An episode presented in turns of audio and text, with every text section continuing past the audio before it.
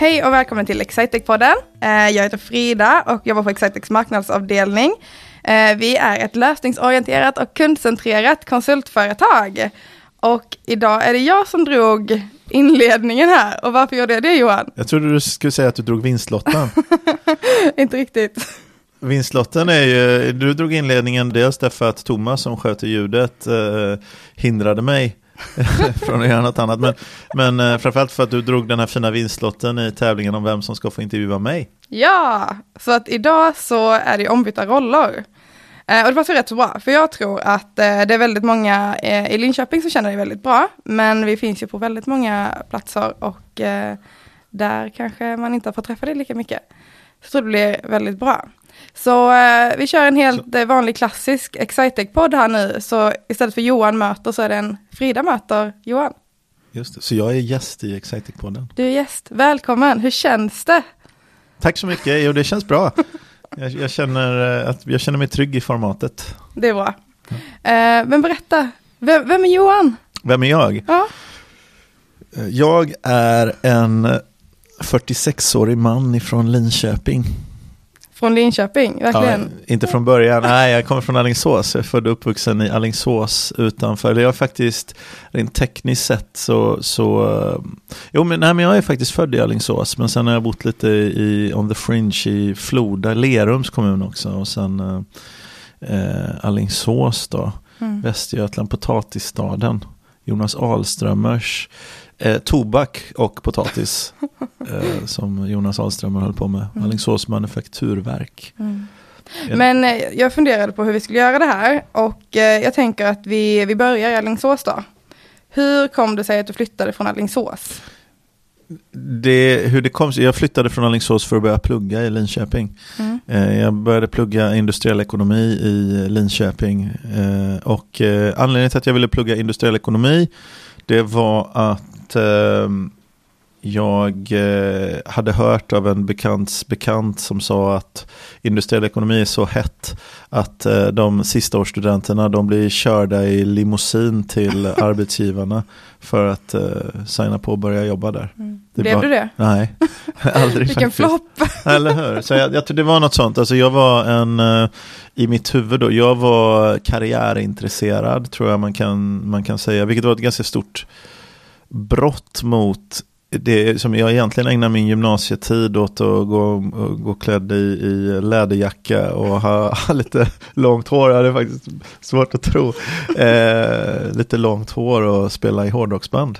Oj. Men, eh, men eh, så jag kände mig att jag var färdig med det mm.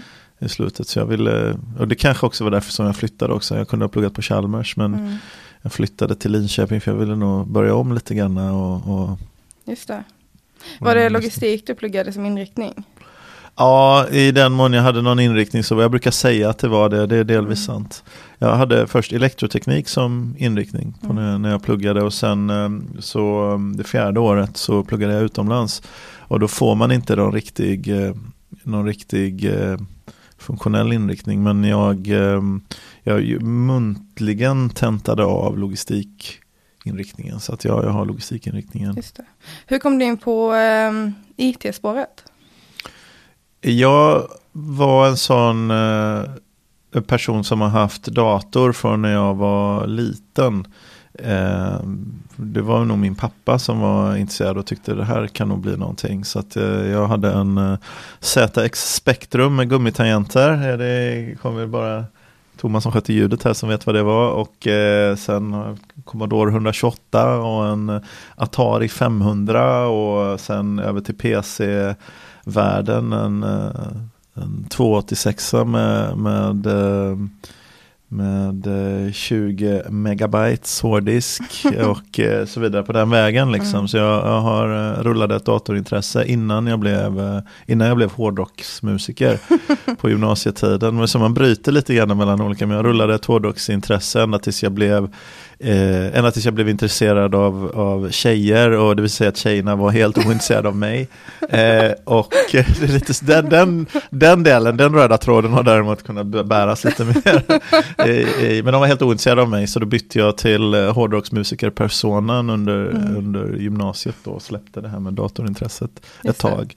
Sen kom jag tillbaks och så pluggade jag och så då, då, då kom väl det intresset lite grann tillbaks men framförallt så kände jag när jag hade pluggat klart att eh, jag inte hade någonting i mitt CV. Det var IT lite på gång. Jag hade mm. ingenting i mitt CV som eh, i, i form av kurser och sånt som hade med IT att göra. Mm. Men jag tyckte att jag kan ju det där. Jag var ju gammal, gammal datanörd från, från barndomen. Liksom. Så tänkte jag, då får jag väl försöka få ett jobb som programmerare då, för då kan jag få betalt mm. och visa. För jag tyckte inte programvaruutvecklingskurserna var ganska, eftersom jag var ändå med den bakgrunden, det lilla IT jag läste på universitetet var ändå väldigt, väldigt lätt. Och, man, och inte, på, inte riktigt på rätt nivå då, för någon som ändå, mm.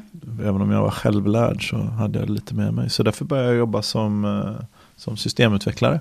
Mm. Eh, som mitt första jobb efter examen. Tror du eh, arbetsmarknaden efter examen skiljer sig från när du var nyexad mot att vara nyexad nu?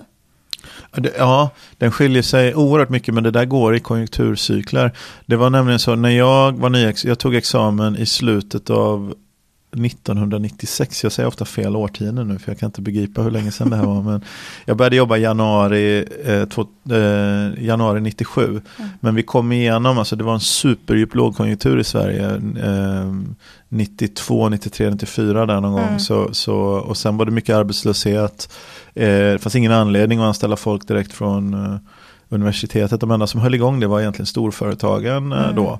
De anställde folk direkt från universiteten. Men sen så började det ljusna någon gång runt faktiskt 95 så började man höra om, eh, ja men har du hört att Kalle här som gick två årskurser ovanför, han fick faktiskt jobb. Liksom. Det var att det finns faktiskt jobb att få. Mm. Eh, liksom lite grann så, så, eh, så egentligen när jag gick ut där 97, januari 97 det var fortfarande lite halvkärvt men det började lossa då. Sen något år senare och något år efter det, 98-99, då blev det riktigt hett. Mm. Eh, mer liknande den situationen vi har haft nu då. Där mm. företagen får kämpa om, och, om att få anställa personalen. Mm. Men det var väldigt mycket fokus på stora företag när, mm. jag, eh, när jag gick ut. Stora företag och eh, de, för de, de var inte riktigt lika djupt drabbade av den här lågkonjunkturen som den lokala marknaden. Nu, nu, har det varit mycket småföretag igen faktiskt. Mm. Småföretag och startups och sånt som har, som har drivit mycket. Mm. Så, så det, var, det var ganska stor skillnad. Men det blev lite, redan några år efter att jag hade gått ut så var det lite liknande den mm. situationen mm. vi har haft de senaste åren.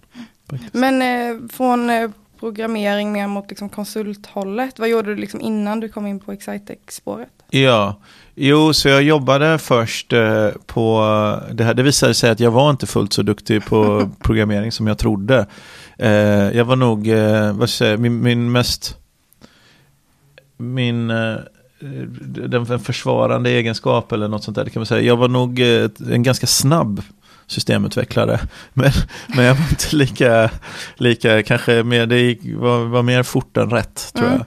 Eh, men eh, så jag jobbar på ett programvaruutvecklingsbolag men så jag blev utskeppad eh, mer eh, i världen. Jag flyttade faktiskt på det företaget. Jag flyttade till San Francisco och för att vara, vara vår representant där då för det här svenska programvaruföretaget. Och sen eh, så gick det inte så jättebra så bodde jag i Philadelphia i några år och jobbade med vår konsultverksamhet och våra kunder därifrån. Det var vårt amerikanska huvudkontor då. Eh, och sen så efter några år så flyttade jag tillbaka till Sverige men då, då hade jag gjort lite projektledning och sådana saker. Och eh, då jobbade lite med projektledning, vi försökte bygga webbgränssnitt till ett gammalt affärssystem och eh, eh, gjorde väl det med viss framgång men inte med någon enorm framgång och vi, vi lyckades inte liksom erövra hela världen då. Men eh, jag gjorde det några år i alla fall och sen, eh, sen så började jag jobba på ett eh, stort internationellt konsultföretag och eh, jobba med försäljning. Och eh, sen blev jag regionchef för, mm, vad ska jag säga, där jag bor, östra Mellansverige kan man säga. Mm. Och sen, sen efter det hela Mellansverige egentligen. Jag var regionchef där i, i några år. Så mm, ja, innan Excitec har jag egentligen bara haft två arbetsgivare. Då, mm. Så åtta år på ett programvaruföretag i några olika roller och sen eh, sex år på, på ett stort eh, internationellt konsultföretag. Då. Men nu är du vd Nu är jag vd. Hur kommer det sig? Hur, liksom när, har du alltid vetat att du ville vara vd? Jag eh, sa när jag gick ur eh, skolan eller universitetet eh, där 1997 att mitt karriärmål är att vara vd på ett börsnoterat företag. Eh, och jag trodde, det hade jag som karriärmål i, eh, i ett antal år. Eh, och sen har jag till och med glömt bort varför jag tyckte det var viktigt och varför jag ville vara det. Mm. Men jag tror just vd, jag, jag tror någonstans att jag har eh, velat vara det. Men det var inte därför jag blev vd på Excitec. Jag hade nog kommit över det lite grann. Mm. Jag blev vd för Excitec. Eh, eh, jag tror att mitt gamla jobb, det stora internationella bolaget där jag var, var regionchef en hyfsat stor region. Eh, det, hade nog varit, det är nog ett enklare spår eller ett mer rakt spår till vd-jobbet egentligen. Eh, här blev jag mer företagsbyggare så fick jag ta rollen som vd. Men, men det är inte mycket att vara vd på ett bolag med 20-25 anställda egentligen. Det är ju inte någon... Eh, mm. Eh, det händer inget särskilt för att man är vd. Man blir ju vd och allt i allo och försäljningschef och marknadschef och mm. leverantör. Du vet. Mm. Man blir ja, jag vet precis, jag relaterar 100%. du kan inte göra det. Men, nej men alltså det, det, är, eh, det är inte en speciellt renodlad roll kan man säga. Alltså, man kallar det för vd men det betyder mm. egentligen allt i allo mm. eh, med intäktsfokus kanske. Mm. Men så, så du, hade, du hade inte som mål innan du började industriell ekonomi att bli vd?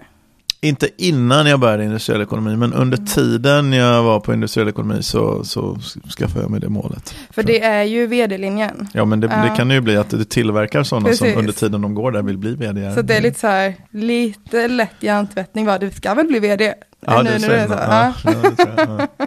Absolut. Ja, just det. Men eh, när du inte jobbar, vad gör du då?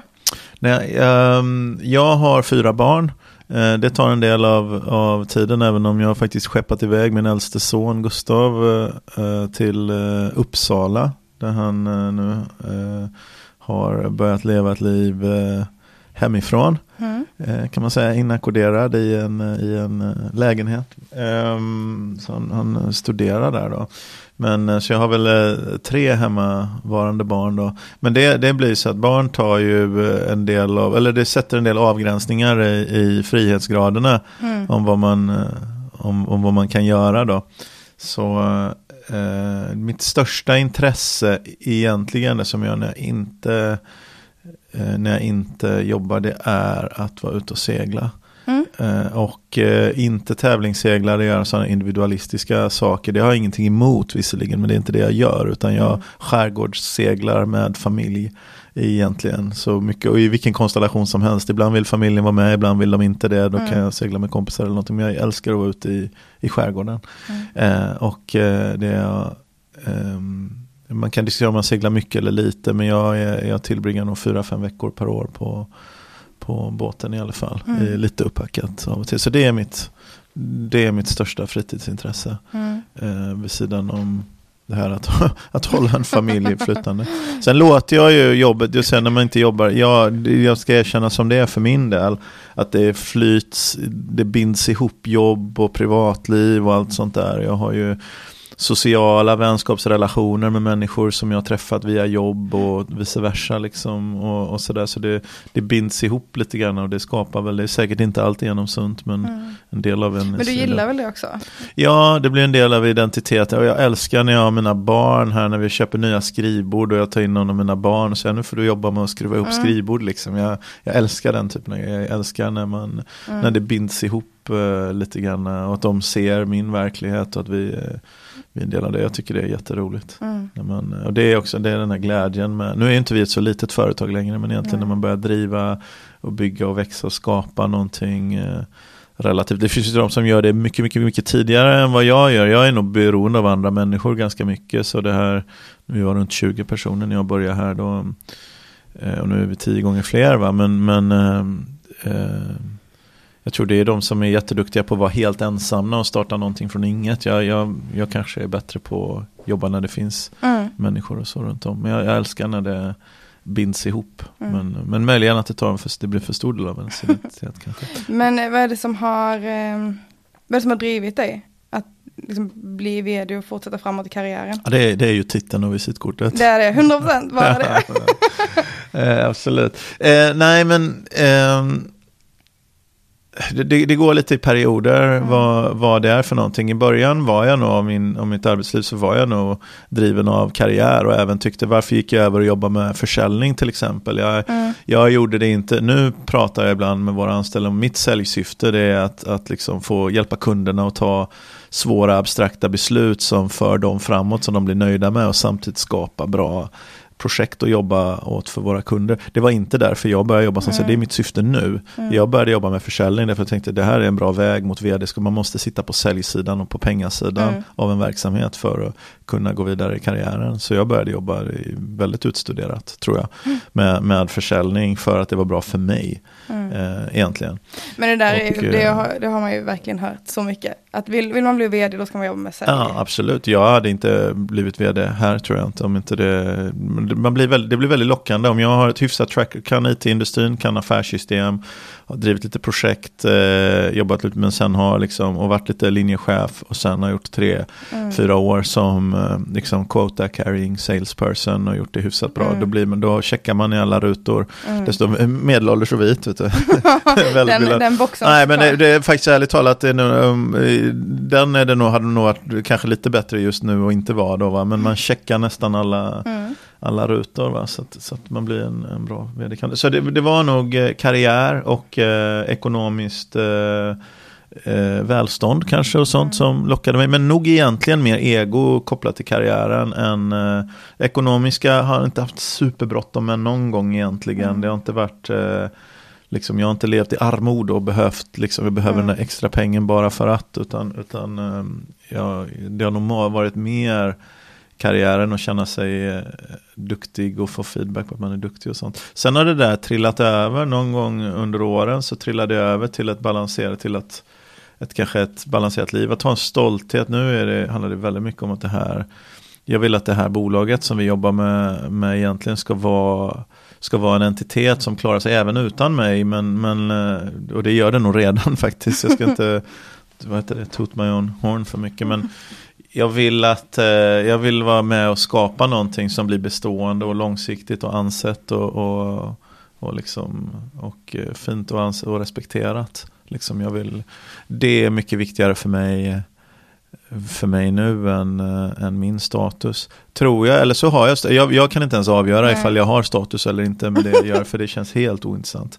Men det är möjligt att jag tar, att det är, att, så här, det, antingen har jag mognat Mm. Och eh, det är inte längre viktigt för mig. Eller också så är det så att jag har, jag, jag får eh, liksom eh, självuppfyllelse eller någonting av det faktum att jag har statusen och därför har jag tagit den för givet. För det mm. känns inte alls som en fråga som är viktig överhuvudtaget mm.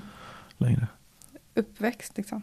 Du har blivit, jag har vuxit du upp blivit till vuxen. 46 år. Jag känner mig inte som 46, jag känner mig mer som 37, 38. Väldigt specifik ålder ja, att känna sig ja, så. Jo, jag känner mig som det. Ja, men jag kan känna att jag, det fanns en tid då jag var lite bättre på att springa explosivt snabbt än vad jag är idag. Och sådär, mm. liksom. Det fanns att jag är inte riktigt på topp, inte riktigt på peak. eh, men, men ja. Men det är okej. Okay. Ja, okay. Men, men eh, nu eh, så kommer ju ett avsnitt av podden då. Eh, som heter någon berättar om något. Oh.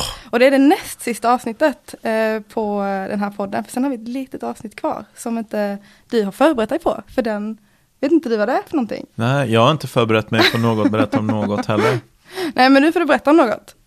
Mm. Oj, och, och tänk att jag av alla som har hållit den här podden inte är förberedd på någon berättar om något. Mm. Eh, jag skulle då vilja ta en liten, det här blir inte ett så långt ämne för det är inte längre min absoluta expertis, men jag skulle vilja prata lite grann om elgitarrer. Och jag trodde det var elskotrar. Nej, ja, ja okej, okay. elgitarrer går bra. Nej, men elgitarrer. Eh, och då vill jag bara lite rådgivning kring elgitarrer. För, mm. för jag tror att eh, de flesta män egentligen vill ha en elgitarr på väggen hemma. Eh, och eh, är det så att du lever i en verklighet, liksom utrymmeskrävande eller med en, en, eh, en människa. Jag tror att det här gäller mest män, men gärna, gärna kvinnor, det är samma sak egentligen. Men om du bara får ha, om du bara får ha en, om du bara får ha en elgitarr, eh, vilket är helt orimligt i och för sig. men, men om vi skulle säga att du bara fick det, jag kan återkomma till det. Men det finns ju alltså några skolor, de, de elgitarrerna som vi måste kunna är ju dels Fender-linjerna. Det finns två stycken. Mm. Fender-gitarr, det finns ju fler, men det finns två stycken som är väsentliga att hålla reda på. Och det ena är ju Telecastern, och det är den som typ Bruce Springsteen brukar stå med, en mikrofon. Och det andra är Stratocastern, och då är en Stratocaster är ju den med lite rundat huvud, istället för Telecastern har ett rakare huvud. Eh, och Stratocaster, en typisk spelare av den är Eric Clapton. Mm. Eller Yngwie Malmsteen faktiskt, som gamla svenska gitarrguden. Men, men och skillnaden är att tre stycken mikrofoner och lite rattar och grejer, eh, så Telecastern är mer clean. Eh, vilken av Telecastern och Stratocastern behöver man om man bara får köpa en? Eh, då ska man köpa en Stratocaster naturligtvis. Okay. Eh, för Stratocastern kan låta nästan som en Telecaster genom att man använder någon av de främre mickarna eh, på den. Så att du, alltså kan vi säga, du behöver egentligen både en Stratta och en Tele. Eh, men om du bara får ha en, då är det en Stratta du ska ha. Men varför eh, behöver man båda då, om den ena låter som båda? Men man måste ha, det bara är så. eh, det, det, är, men det är lite som om du tänker liksom, om du, det är lite som så här, om du har spelat tennis och innebandy till exempel, så har du tennisskor och innebandyskor, men fick mm. du bara ha den ena på, nu är de ju ganska lika varandra, men, men du kan, och basketskor till exempel, då kan man komma fram till att nej men det är, mm. den här skon är ändå den om man bara får välja en. Och det, det, det är borta för min kompetens då. Men, men så Tele och Stratta, om du bara får en så är det faktiskt en Stratta, även om Telen är snyggare. Mm. Eh, men, men Strattan är bättre. Eh, sen i nästa eh, nästa då, skola, det är ju, men det, det, det spänner ju inte upp hela utfallsrummet, för då har vi ju den mest eh, vackra gitarrer nästan av alla, eh, men lite tung då. Det är ju Gibson Les Paul. Mm -hmm. Les Paul-modellen, känd från till exempel att Slash, Guns N' Roses mm. spelar med den.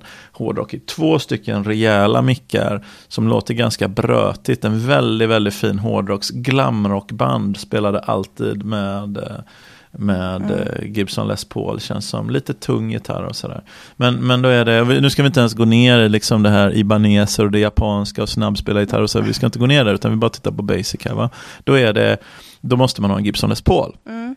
Okej, okay. men då kommer man till, då blir ju den stora, det finns fler Gibson-gitarrer också som inte behöver dyka in i, det finns typ, om du är skinhead så måste du ha en viss sorts eh, Gibson-gitarr och sånt, men vi antar att vi inte är det, utan vi är bara vanliga. Så då måste vi ha, så då undrar då, alla nu som sitter och tänker, men det här blir ju då två, vilken ska jag välja då? Om jag, har stratt, jag hade strattat Tele Gibson Les Paul, jag skulle ha strattan där, men Les Paulen eller Stratocastern då? Mm. Det blir ett jättesvårt val, de är ju så väldigt olika och ser så väldigt olika ut och det går egentligen inte att välja mellan vilken av de här två man ska ha. Så man måste ha två stycken elgitarrer. Men om man nu verkligen bara får ha en mm. elgitarr, mm. vad ska man göra då? Då ska man ha, och här kommer nu dags att skriva ner, då ska ja. man ha en Paul Reed Smith Custom 24 med lönntopp.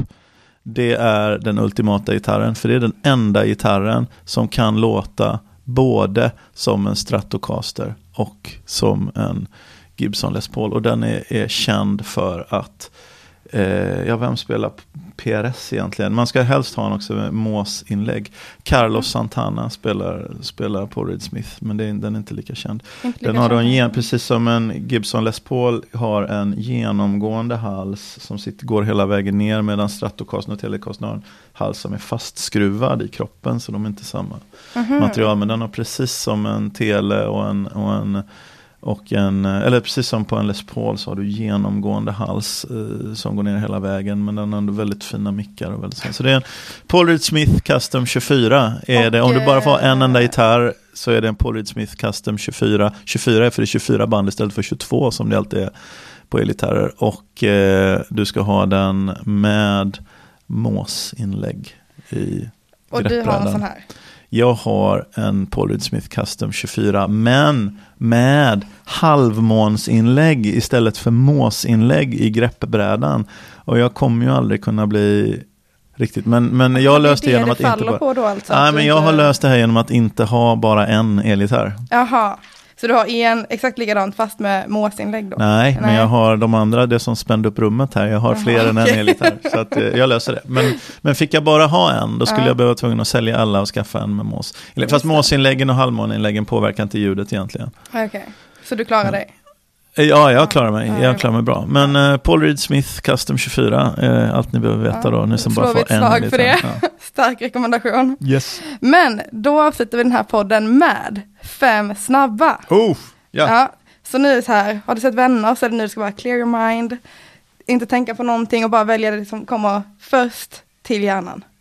Oj. Okej, du kommer få två alternativ och bara välj ett av dem. Okej, ja, Mm. det är väl bra. Jag har tur, skönt att jag fick alternativ. Jag, såg, Ja. jag ska bara säga, jag såg den här Joker igår, eller Jokern eller vad den heter, den filmen, med, och, eh, på bio, men, men, eh, och den var ju ganska mörk och eh, lite om psykisk sjukdom och sånt där, va? så jag blev bara lite rädd, mitt mindset kanske är liksom lite snett, så men när jag får två alternativ blir det ändå enklare. så mörk, det, det är så betungande. Så mörkt är det inte. Ja, skönt. här. Okej, nu. Mm. Sol eller skidsemester? Skidsemester, Apple eller Samsung? Apple, Sött eller salt? Salt, Styrka eller kondition? kondition, Alingsås eller Linköping? Alingsås. Wow, det var fem snabba. Kändes det bra? Ja, fast det sista, jag vet inte vad jag ska säga om det är sista där med Alingsås eller Linköping egentligen. Men det var ändå det första som kom liksom upp. Ja, men det var nog för att vi pratade om, jag tänker aldrig på Alingsås, jag har ingen koppling till Alingsås egentligen, men vi pratade om Alingsås, jag tog, tog jag vet inte ens om jag tog det, jag tog det jag föredrar av, Ja. av, av allting. Jag vet inte, jag tycker det är, nej, jag, jag skulle vilja säga Linköping på sista ändå. Ja, du vill ändra dig. Det är okej Ja, att göra på en, men sen för fler får du inte Nej, men jag ändrar mig till, eh, till Linköping på den sista, det är bra. Men det är alltid när man pratar om, eh, man, man tänker på där man växte upp, så det blir ju alltid en speciell plats i hjärtat, Mm. vare sig man tyckte om platsen eller inte så, så, Den så har den en, en, en plats i hjärtat, även om jag aldrig är där. Mm. Men eh, med de fem snabba så avslutar vi podden med att om man vill bli en del av Excitec, Ja. då går man in på, www.excitec.se karriär. ja, och om man vill få hjälp med sina IT-problem eller leta efter systemstöd, vad går man in då? Då kan man gå in på excitec.se och leta lite grann om vad vi gör och det är ganska enkelt att lämna sin kontaktinformation så, och få kontakt med oss där. Tack så mycket för att ni lyssnade. Tack.